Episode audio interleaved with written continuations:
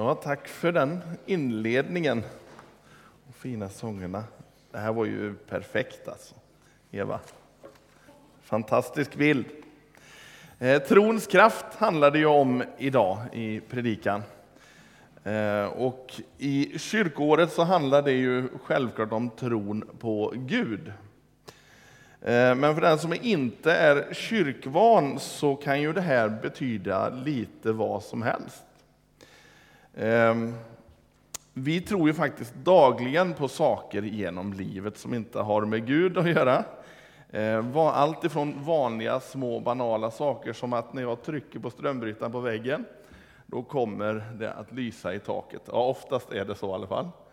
Ehm, vi gör massa saker som vi tror ska hända och det händer i regel.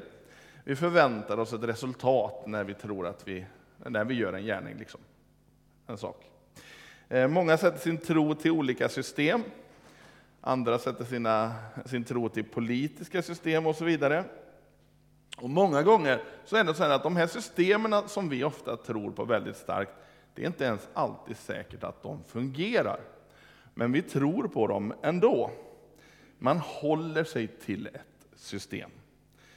Eh, många gånger har människor förlitat sig på tekniken, och nu ska jag ta några lite, ni får inte tycka att jag raljerar för mycket nu, men, men eh, jag tänker på Volvo som eh, för ett antal år sedan skulle introducera sin fantastiska funktion med självbromsande bilar. Man samlade hela världspressen eh, och man hade samlats där till ett jätteevent.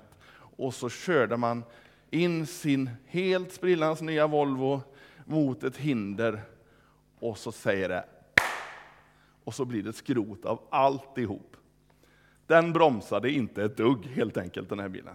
Man hade förlitat sig på tekniken. Den här nya tekniken man hade tagit fram skulle fungera, men den fungerade inte i verkligheten. Sen konstaterar man att oj, det var lite för låg batterinivå i den här bilen, därför så hände det här att den inte fungerade. Så man gjorde ju någonting åt det sen, man lyckades ju och fixa det. Va? Eh, jag tänker på, eh, nu är jag lite bilinspirerad eller bilintresserad, jag tror det finns fler som är det, men eh, jag tänker på när Mercedes introducerade sin bil A-klass i Sverige.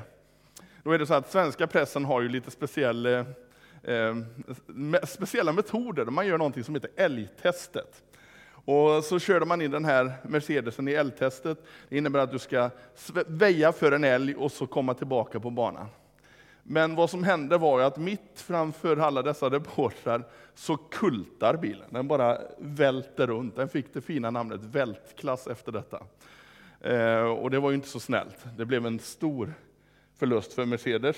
Men de fixade ju det också så småningom. De lärde sig någonting av sina misstag. Eh, I början när man experimenterade med airbags så var det så här att när man krockade med en bil med airbag på 90-talet så var det större risk att du blev skadad av airbagen än att du blev skadad av olyckan. Men sen så fixar man ju det också. Vi förlitar oss på olika tekniker. Idag ska vi vara väldigt glada för airbagarna, för i regel så gör de inte massa dumheter, utan det är snarare så att de skyddar oss. Eh, misstagen kan lära oss vidare till något annat. Men ibland så kan det vara farligt att lita på alla de här olika systemen som vi tror ska vara perfekta. Under min eh, uppväxt så hörde jag ofta i undervisningen om att man ska sätta sin tro till Jesus och inte till människor. Eh, man fick ofta höra, om du tror på människor så blir du besviken, men om du tror på Jesus så blir du befriad. Och jag tror att det är så, men man kanske inte ska ta det citatet som en hel sanning, för det innebär ju att man inte ska lita på varandra alls. Och jag tror att vi ska lita på varandra. Vi ska tro på varandra på, på rätt sätt. Men eh, jag tror att det man ville säga med den här saken, det var att man skulle ha fokus på rätt ställe. Att inte bygga sin tro på andra människors tro. Att man inte skulle bygga sin tro på det andra människor sa så mycket och det som de tyckte utan bygga sin tro på Jesus. På bygga på, liksom, på Bibeln istället för att lyssna så hiskeligt mycket på alla strömningar i samhället. Och då tror jag att det blir bra. Ehm, jag är väldigt glad att man pratar om detta, för det gjorde att jag fick fokus på rätt ställe. Vi ska läsa ett par texter som handlar om detta. Det är ifrån Jeremia 17, vers 7 till 8. Där står det så här. Men välsignad är den man som förtröstar på Herren, som har Herren till sin förtröstan. Han är som ett träd planterat vid vatten och som sträcker ut sina rötter till bäcken. Det fruktar inte om hetta kommer och dess löv är alltid gröna. Det blir inte förskräckt om ett torrt år kommer och det upphör aldrig att bära frukt. Vi hoppar vidare till Saltaren. Eh, första salmen, de första verserna där. Välkända ord. Salig, eller lycklig kanske jag ska säga, är den människa som inte följer på de ogudaktigas råd och inte går på, den, på syndares väg eller sitter bland bespottare, utan har sin glädje i Herrens undervisning och begrundar hans ord dag och natt. Han är som ett träd planterat vid vattenbäckar, vilket bär sin frukt i, i rätt tid och vars blad inte vissnar, och vad han gör lyckas väl. Det är en väsentlig skillnad på att tro på någonting i allmänhet mot att sätta sin tro till Gud. Att välja att tro på Jesus som den som ska föra oss genom detta livet och sen så småningom ska se till att vi får komma in i himlen eh, i evighet. Eh, när vi hörde den här texten, eller läste den här texten om trädet, eh, så ser vi att det här trädet mår bra, även om dess omgivning inte verkar må bra alltid. Jag ser framför mig det här trädet i en karg öken, eh, där det bara går en liten fåra med vatten, och så står det här trädet och bara blomstrar med gröna. Jag ser ett olivträd framför mig någonstans i Mellanöstern, där det bara blomstrar fastän allt ser dött ut runt omkring. Och jag tror att det kan vara så för oss här i det här livet. Att trots att vi lever i den här världen med all dess elände och, och skrot och allt som är, händer, krig och annat, så kan vi få blomstra mitt i den här världen. Det står ju där i den sista versen också i Jeremia där, att det upphör aldrig att bära frukt. Det är en rätt så viktig detalj. Jesus trycker på det här gång på gång på gång. Vad är frukten av ditt liv? Och jag tycker att den här frågan är väldigt relevant, i synnerligen i, i dessa dagar. Eh, vi ska gå till ett mycket välkänt ställe, Matteus 7, vers 13, och så ska vi läsa lite framåt där. Och du kan gärna ha en finger kvar där, för vi kommer återkomma eh, till de här eh, kapitlerna sen. Det står så här, vers 13. Matteus 7, vers 13. Gå in genom den trånga porten, för den port är vid och den väg är bred som leder till fördärvet, och det är många som går fram på den.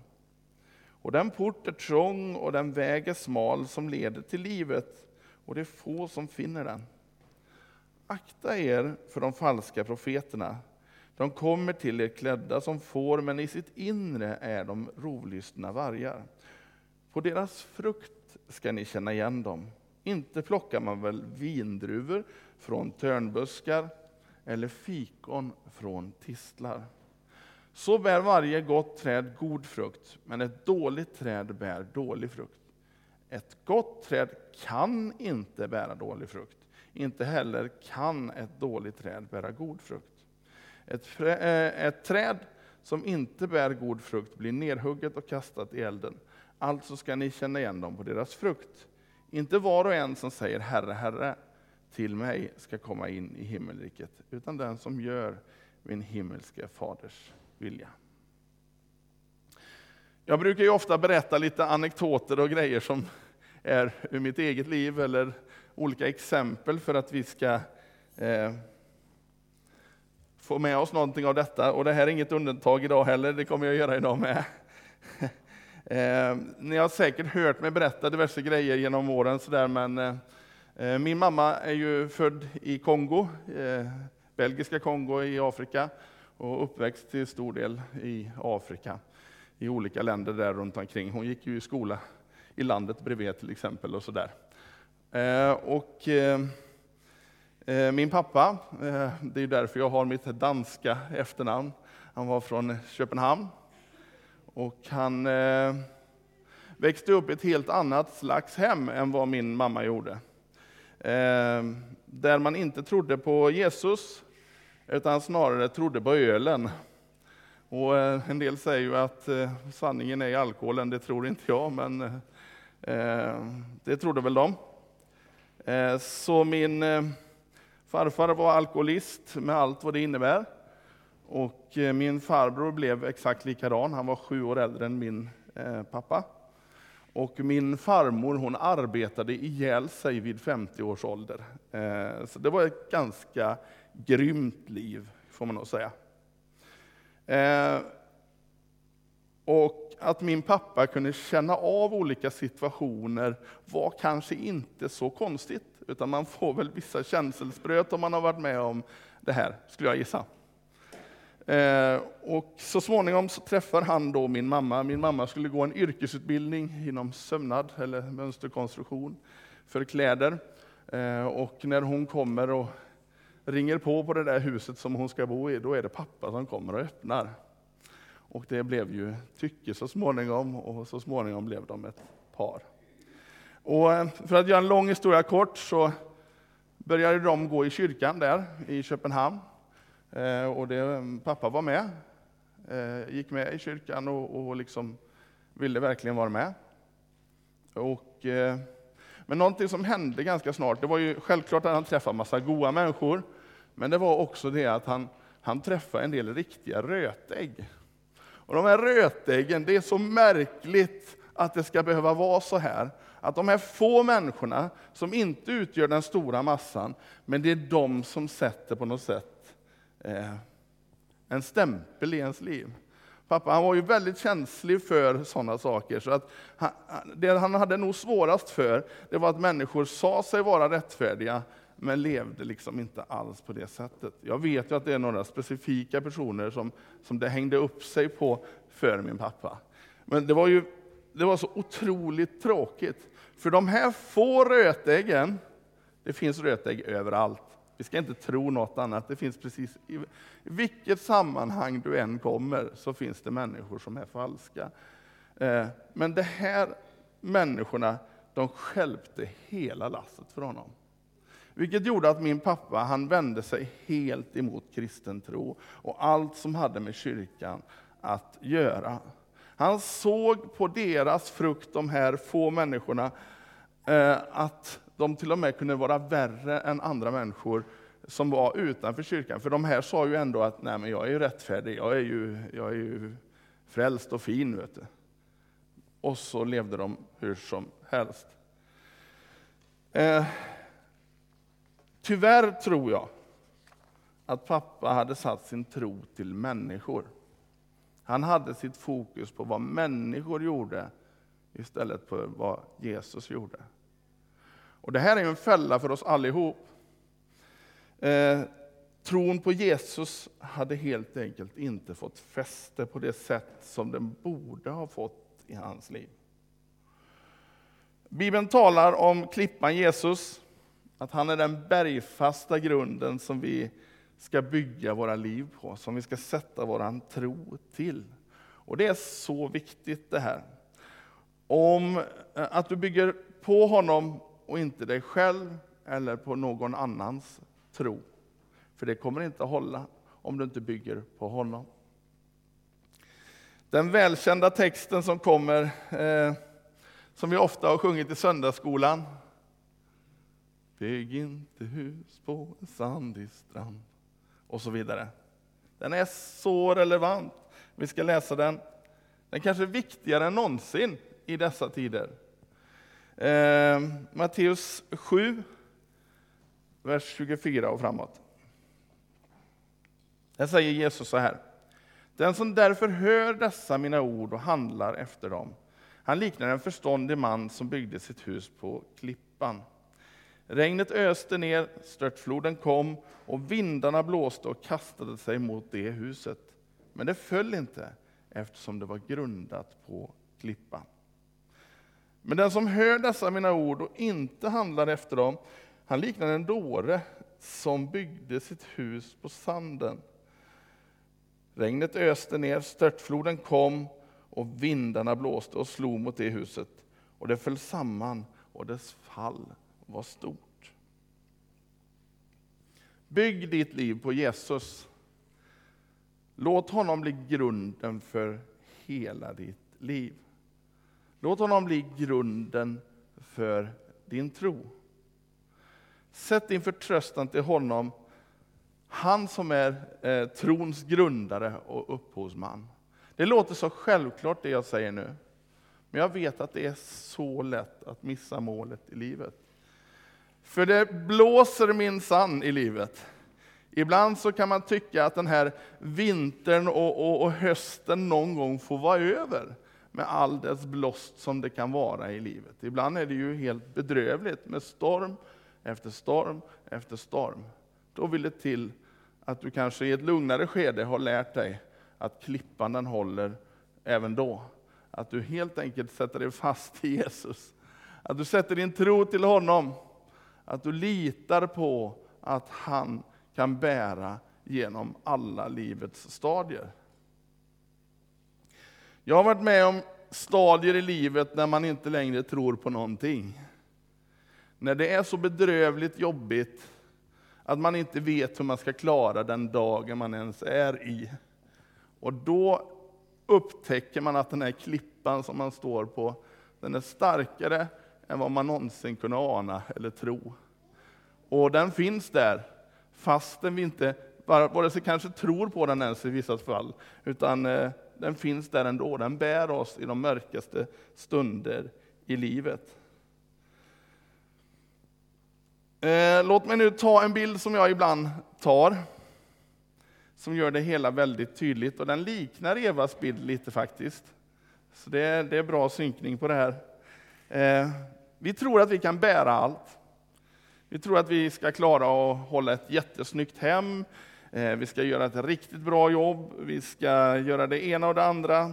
Vi ska hålla oss unga och fräscha, snygga ska vi vara. Eh, vi ska eh, ha en snygg och vacker familj att visa upp. Vi ska ha ett snyggt hus att visa upp. Vi ska ha en snygg fasad utåt. Jag skulle vilja säga att svenskarna är rätt så bra på detta med fasad. Att man ska visa upp väldigt mycket snyggt. Eh, och jag som har varit i bilbranschen innan, jag vet väldigt mycket om det här. Jag hade kunder som kom in, de hade de allra dyraste och nyaste BMW och största BMW man kunde tänka sig. Men de hade inte råd att köpa spolarvätska till den. Det blir ju pinsamt. Alltså man har satsat så oerhört mycket på fasaden så att man inte ens har råd med någonting annat. Ehm, vi knäcker ju oss själva om vi håller på så här. Det blir ju liksom absurt. Men Jesus, han vänder på kakan som vanligt. Han vänder på perspektiven. Han vill att vi gör precis tvärtom. Eh, istället för att jobba utifrån, från fasaden och in, så vill han jobba inifrån och ut. Och nu är vi åter till danskan här. I dansen så har vi något som heter stole på något. Eller på norskan då, att stole på något. Något. Nej, nu blev det fel. Ja, nu stylar jag bara.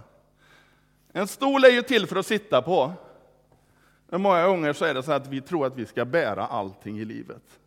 Jag har säkert visat det här förut, men det får du leva med. Vi, vi, eh, vi tror att vi ska bära allting genom livet.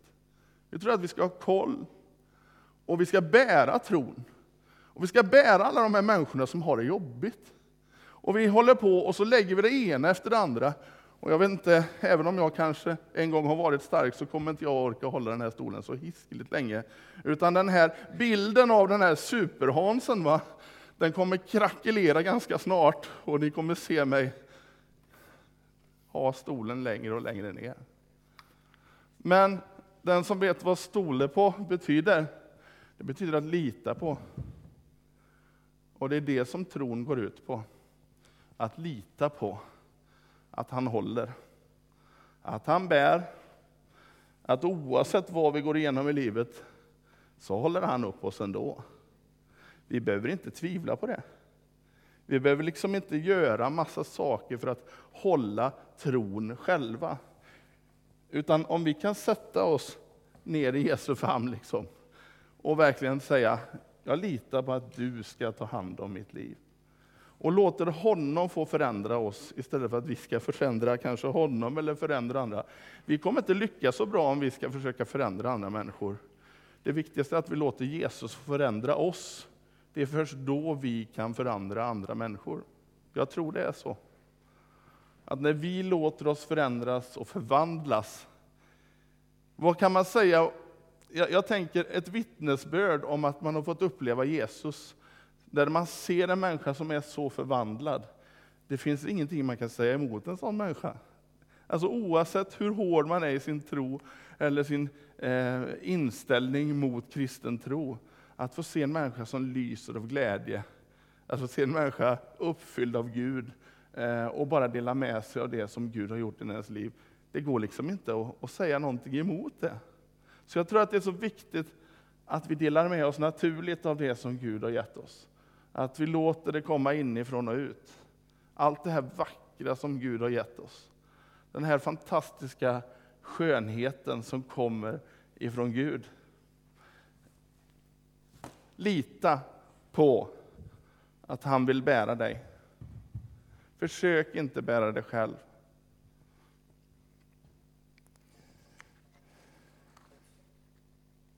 Låt mig nu avsluta med att läsa en text som Jesus, eh, ja, är, han har ju en ganska lång undervisning i Johannes där.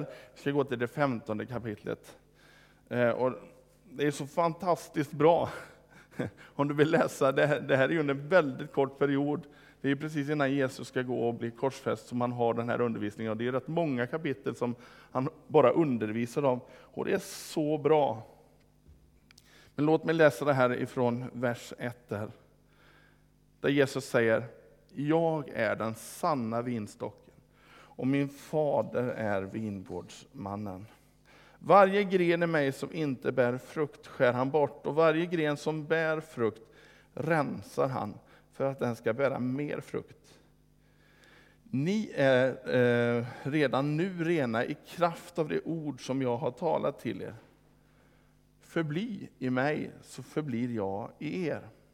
Liksom grenen inte kan bära frukt av sig själv, utan endast om den förblir i vinstocken, så kan inte heller ni det, om ni inte förblir i mig. Jag är vinstocken och ni är grenarna. grenarna.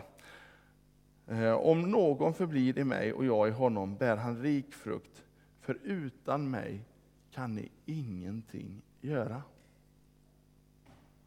Om någon inte förblir i mig kastas han ut som en gren och torkar bort, och man samlar ihop sådana grenar och kastar dem i elden och de bränns upp. Om ni förblir i mig och mina ord förblir i er, så be om vad ni vill och ni ska få det. Alltså det finns otroligt mycket mellan raderna i det som Jesus säger här. Vi tänker ofta att vi ska få bönesvar på allt vi ber om. Men vad är det han säger här? Om vi lever i hans vilja, då vill vi också be efter hans vilja. Och då kan vi få allt det vi behöver. Inte allt vi vill ha kanske i vår mänskliga natur med allt det ena och det andra. Men vi kan få allt det vi behöver. Och så står det, min far förhärligas när ni bär rik frukt och blir mina lärjungar. Liksom Fadern har älskat mig, så har jag älskat er. Bli kvar i min kärlek. Om ni håller mina bud förblir ni i min kärlek, liksom jag har hållit min faders bud och förblir i hans kärlek. Detta har jag talat till er för att min glädje ska vara i er och för att er glädje ska bli fullkomlig. Detta är mitt bud, att ni ska älska varandra så som jag har älskat er. Ingen har en större kärlek än att han ger sitt liv för sina vänner. Ni är mina vänner, om ni gör vad jag befaller er. Jag kallar er inte längre tjänare eftersom tjänaren inte vet vad hans herre gör. Vänner kallar jag er, för allt vad ni har hört av min fader har jag låtit er veta. Ni har inte utvalt mig, utan jag har utvalt er och bestämt om er att ni ska gå ut och bära frukt, som frukt som består, för att Fadern må ge er vad ni än ber om i mitt namn. Och det befaller jag er att ni ska älska varandra. Ta gärna med er de här orden, tugga på dem, ät på dem, eller säga. smaka på dem, läs dem hemma om och om igen. Det är fantastiska ord. Han, lev, han vill leva i oss, igenom oss. Då är, handlar det inte om oss längre. Det handlar om honom. Att ha fokus rätt, att låta honom få verkligen leva igenom oss. Låt oss sätta vår tro och vår förtröstan till honom. Låt honom bära dig och föra dig vidare genom livet. Och så en riktigt gött bibelord allra sist här nu. Låt dig inte besegras av det onda, utan besegra det onda med det goda. Ska vi säga det tillsammans? Är ni med? Låt dig inte besegras av det onda, utan besegra det onda med det goda. Den här versen vill jag att ni tar med er. Jag vaknade en morgon och hörde i huvudet bara precis innan jag vaknar, Romarbrevet 12 och 21. Så jag var ju tvungen att slå upp det bara, och då var det den här versen. Det är en bra vers att vakna till. En bra princip att ha med sig varje dag. Vi ber tillsammans. Tack Jesus för att du är med oss allihop här inne, Herre, och alla som lyssnar, Herre. Herre, hjälp oss att bygga våra liv på dig, Jesus Kristus. Herre, jag ber att vi ska ha rätt fokus i livet, Herre. Hjälp oss att verkligen besegra det onda med det goda, Herre. Herre, hjälp oss att verkligen se på vad du har gjort för oss och hjälp oss att inte tro att vi ska klara allting av oss själva. Herre, tack för att du ger oss av din sanna kärlek, din utgivande kärlek, din sanna frid, din sanna glädje, Herre. Tack för att vi får ha allt det i dig, Herre. Tack, Herre, för att du välsignar var och en. I Jesu namn. Amen.